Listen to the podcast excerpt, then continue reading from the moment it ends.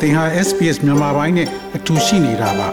sbs.com.au/burmese မှာပုံမထူးခဲ့တဲ့သတင်းစာမားတွေကိုရှားဖွေပါ SBS မြန်မာပိုင်းကို အင်ကာနဲ့စနေနေ့ည10:00နာရီမှနားဆင်နိုင်တယ်လို့အွန်လိုင်းကနေလည်းအချိန်မီနားဆင်နိုင်ပါပြီ။ တော်လှန်ရေးကောင်စီလက်ထက်1980ပြည့်နှစ်အလွန်မြန်မာနိုင်ငံရေးမှာစစ်အာဏာရှင်စနစ်စန့်ကျင်ရေးလှုပ်ရှားမှုတွေနဲ့အတူဒီမိုကရေစီတိုက်ပွဲတွေစတိုက်ပေါ်ပေါက်ခဲ့ပါတယ်။မြန်မာဆိုရှယ်လစ်လမ်းစဉ်ပါတီခေတ်မှာပထမဆုံးပြင်းပြင်းထန်ထန်ပေါ်ပေါက်လာတဲ့လူထုတိုက်ပွဲကတော့1984ခုနှစ်ဇွန်လအလုတ်သမားအရေးအခင်းပဲဖြစ်ပါတယ်။ မန္တလေးမြင့်ငယ်အစား6ရေနံချောင်းစကိုင်းအလဲရန်ကုန်တန်လျင်အစုံတပြည်လုံးကစက်ရုံအလုပ်ရုံပေါင်း128ခုတပိတ်မှောက်ဆန္ဒပြခဲ့ကြတဲ့နိုင်ငံလုံးဆိုင်ရာအထွေထွေအလုပ်သမားတပိတ်ကြီးဟာအခုဆို48နှစ်တိုင်ခဲ့ပါပြီ။ ဇွန်လ6ရက်ရန်ကုန်အလုတ်သမားတိုက်ပွဲမှာအလုတ်သမားတွေဘက်ကပြည်သူတရက်လုံးအတွက်ကုန်စည်နှုန်းကျဆင်းရေးစံလုံလောက်စွာရရှိရေးလုပ်ငန်းခွင်အနေရကင်းရှင်ရေးနေစရာအိမ်ခန်းရရှိရေးနဲ့လစာတိုးမြင့်ရေးစတဲ့အလုတ်သမားခွင့်ရေးတွေကိုတရက်ဝင်တောင်းဆိုခဲ့ကြတာပါလွန်ခဲ့တဲ့နှစ်90နီးပါးလောက်ကလေးကတောက်ဆိုခဲ့ရတဲ့ဒီအချက်တွေဟာအခုစစ်အာဏာရှင်လက်ထက်တကြော့ပြန်လဲလာသည့်တိုင်မပြည့်မီနိုင်သေးပါဘူး။ ခေတ်ဆက်ဆက်ရင်ဆိုင်ခဲ့ရတဲ့အလုသမားအခွင့်အရေးချိုးဖောက်ခံနေရတာတွေဟာယနေ့ထိတိုင်တိုက်ပွဲဝင်နေရစေအခြေအနေနဲ့ပတ်သက်ပြီးမြန်မာနိုင်ငံအထွေထွေအလုသမားသမဂ္ဂများအဖွဲ့ချုပ်ဥက္ကဋ္ဌမတ်မိုးစန္ဒမြင့်ကအခုလိုပြောပါတယ်လက်သမားတွေကခေတ်ဆက်ဆက်မတရားမှုတွေကိုဒီမဲ့တင်တယ်သူတို့ရဲ့မတရားမှုတွေထဲမှာမတရားမှုအကြီးဆုံးတွေကိုသူတို့စန့်ကျင်တော်လှန်ခဲ့ကြဒါပေမဲ့လည်းအချိန်ပေါ့နော်နိုင်ငံရေးတည်ငြိမ်တော့တဲ့အချိန်ကိုရောက်လာခဲ့မယ်ဆို ရောက်ခဲ့တဲ့အချိန်မျိုးမှာဆိုရင်ခုနကတော့ဒုနဲ့တင်နဲ့အင်တိုင်အားတိုင်းနဲ့ပြည့်ဆက်ပြီးတော့ရှေ့ဆုံးကနေစန့်ကျင်တော်လှန်ခဲ့တဲ့အလုပ်သမားတွေအခန်းကဏ္ဍကိုနေရခဲ့ကြတယ်ပေါ့နော်ဖြည့်ဆက်ဆက်အစိုးရတွေကနေရခဲ့ကြတယ်အလုပ်သမားတွေရဲ့အခွင့်အရေးဆိုင်ရာအကျိုးစီးပွားဆိုင်ရာဒီဥပဒေကြောင်းလဲမှုဆိုင်ရာတွေမှာဆိုလို့ရှိရင်လည်းအလုပ်သမားတွေအတွက်ဖူလုံတဲ့အခြေအနေတွေတတောင်တတာရှိတဲ့အခြေအနေအာမခံချက်အပြည့်အဝရှိတဲ့ အခြေအနေမျိုးတွေကိုတကယ်ကိုပဲသက်သက်မှုနိုင်မယ်ပေါ့နော်တကယ်ကိုအလေးပေးဆောင်ရွက်တာမျိုးကိုအလုပ်သမားတွေကမခံစားခဲ့ရဘူးပေါ့နော်2021ခုနှစ်ဖေဖော်ဝါရီတရက်စစ်တပ်ကအာဏာသိမ်းလိုက်ချိန်နောက်ပိုင်းမှာတော့အရှိန်ရနေတဲ့ယင်းနှိမ့်မြုံနယ်မှုတွေရပ်တန့်သွားသလိုပြည်တွင်းငံတွေထွက်ခွာတာတွေလည်းရှိခဲ့ပါတယ်။ ထွက်ခွာသွားတဲ့ကုမ္ပဏီတွေနဲ့အတူအလုပ်ပြုတ်ခဲ့ရတဲ့အလုပ်လက်မဲ့ဥယေဟာ1.6တန်းဝန်းကျင်အထိရှိခဲ့တယ်လို့အပြည်ပြည်ဆိုင်ရာအလုပ်သမားရေးရာအဖွဲ့ ILO ရဲ့နောက်ဆုံးအစည်းအဝေးခန်းစာတစ်ခုမှာဖော်ပြထားပါတယ်။အဲ့ဒီတဲကမှအလုပ်လက်မဲ့3သိန်းကျော်ဟာအထက်ကျုပ်အလုပ်သမားတွေဖြစ်တယ်လို့သိရပါတယ်။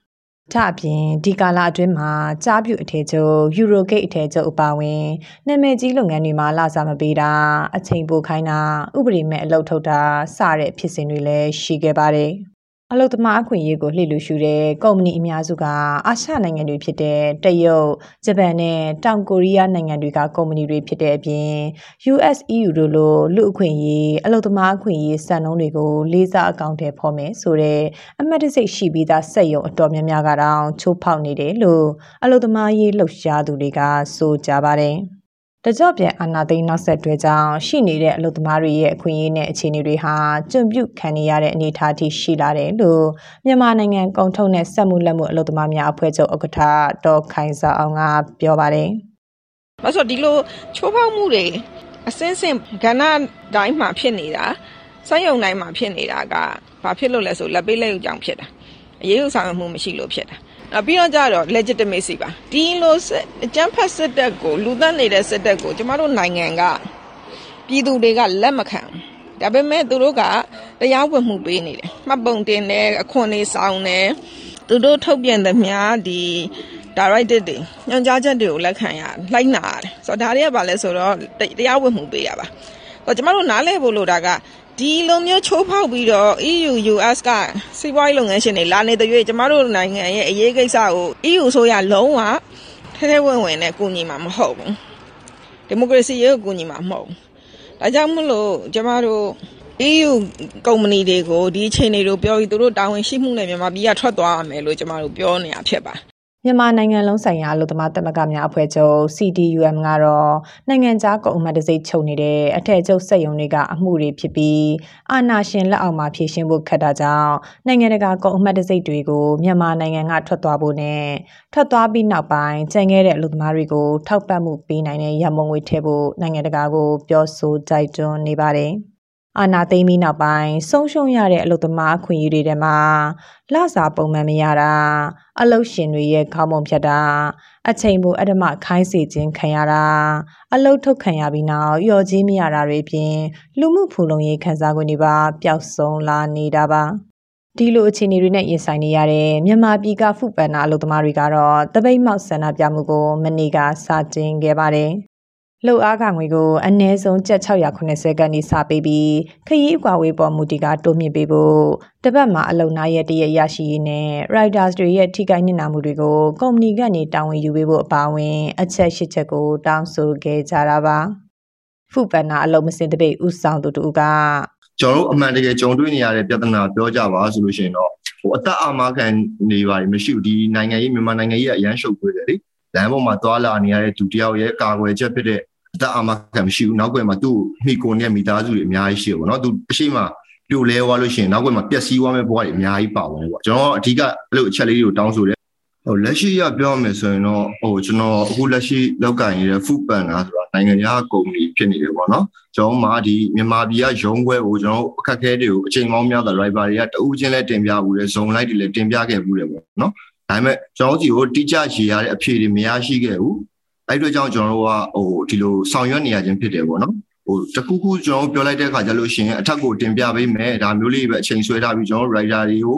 ဟိုအသက်တွေတွင်းနေပေါ့နော်ကျွန်တော်တကယ်လောက်ရှားနေရတဲ့သူမခံနိုင်လို့ပြောတဲ့သူတွေဟာတဖြည်းဖြည်းနဲ့နောက်ရောက်သွားတဲ့အခြေအနေမျိုးရှိတယ်ဒါကြောင့်ကျွန်တော်တို့အဖွဲ့အစည်းတစ်ခုအနေနဲ့ပူးပေါင်းဆောင်ရွက်ရခြင်းဖြစ်ပါတယ်ဗျ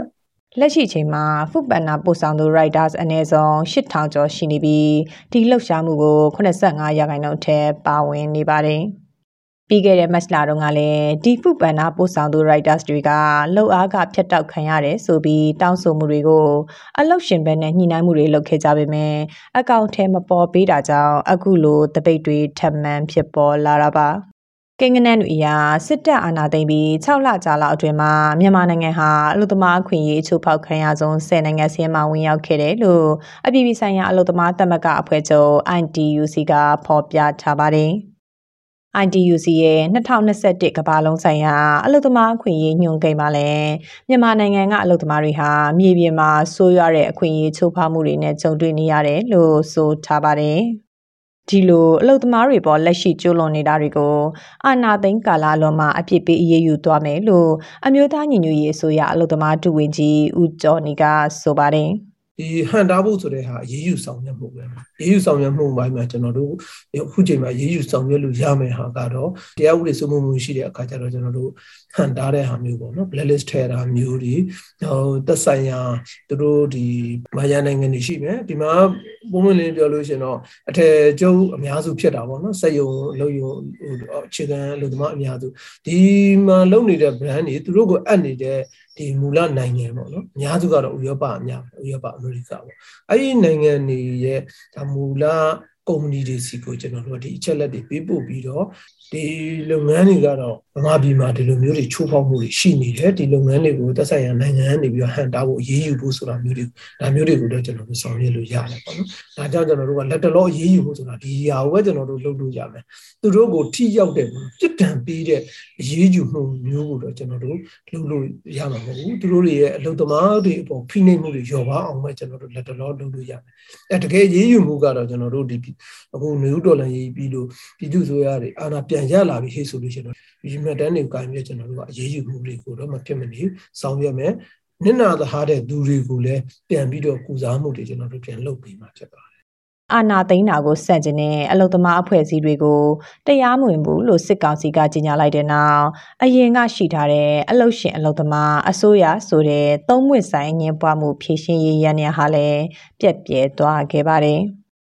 ဒီလို ဥပဒေပိုင်းဆိုင်ရာအရာရော အဖွဲ့အစည်းတွေကို တိုင်ကြားအကာအကွယ်ယူနိုင်ဖို့ပါ ဆုံးရှုံးနေရတဲ့ အလုပ်သမားတွေအတွက် လက်ရှိအချိန်မှာ ဆွေးနွေးညှိနှိုင်းနိုင်မဲ့ရန်ရမရှိတာဟာ အခက်အခဲတစ်ခုဖြစ်တယ်လို့ ပြောလာသူက လက်ရှိ အမျိုးသားညီညွတ်ရေးတိုင်ပင်ခံကောင်စီအဖွဲ့ဝင် အလုသမားကိုစာပြု ကိုစလဲကိုနန္ဒာစစ်အောင်ပါ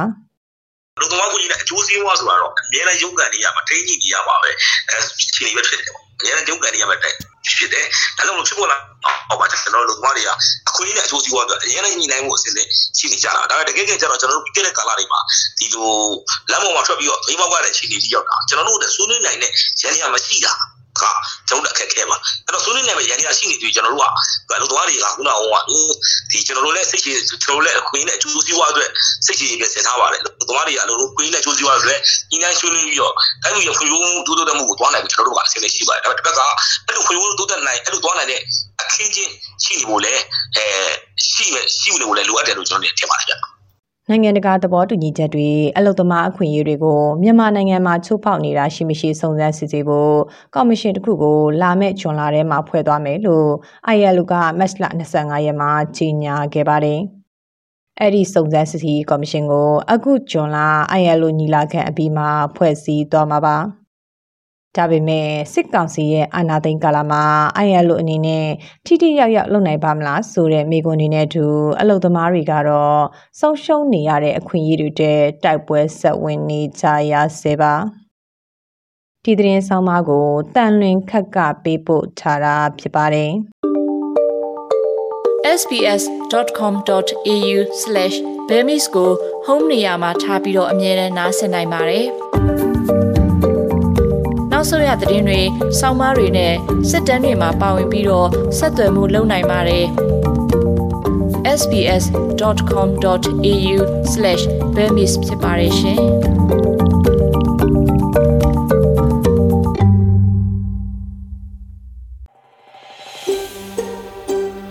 ဒါမျိုးသတင်းဆောင်မတွေကိုပိုနားဆင်လိုပါလား Apple Podcast Google Podcast Spotify တို့မှာသင်ပင်ရာဖြစ်ဖြစ်ရယူတဲ့ podcast ကနေပါ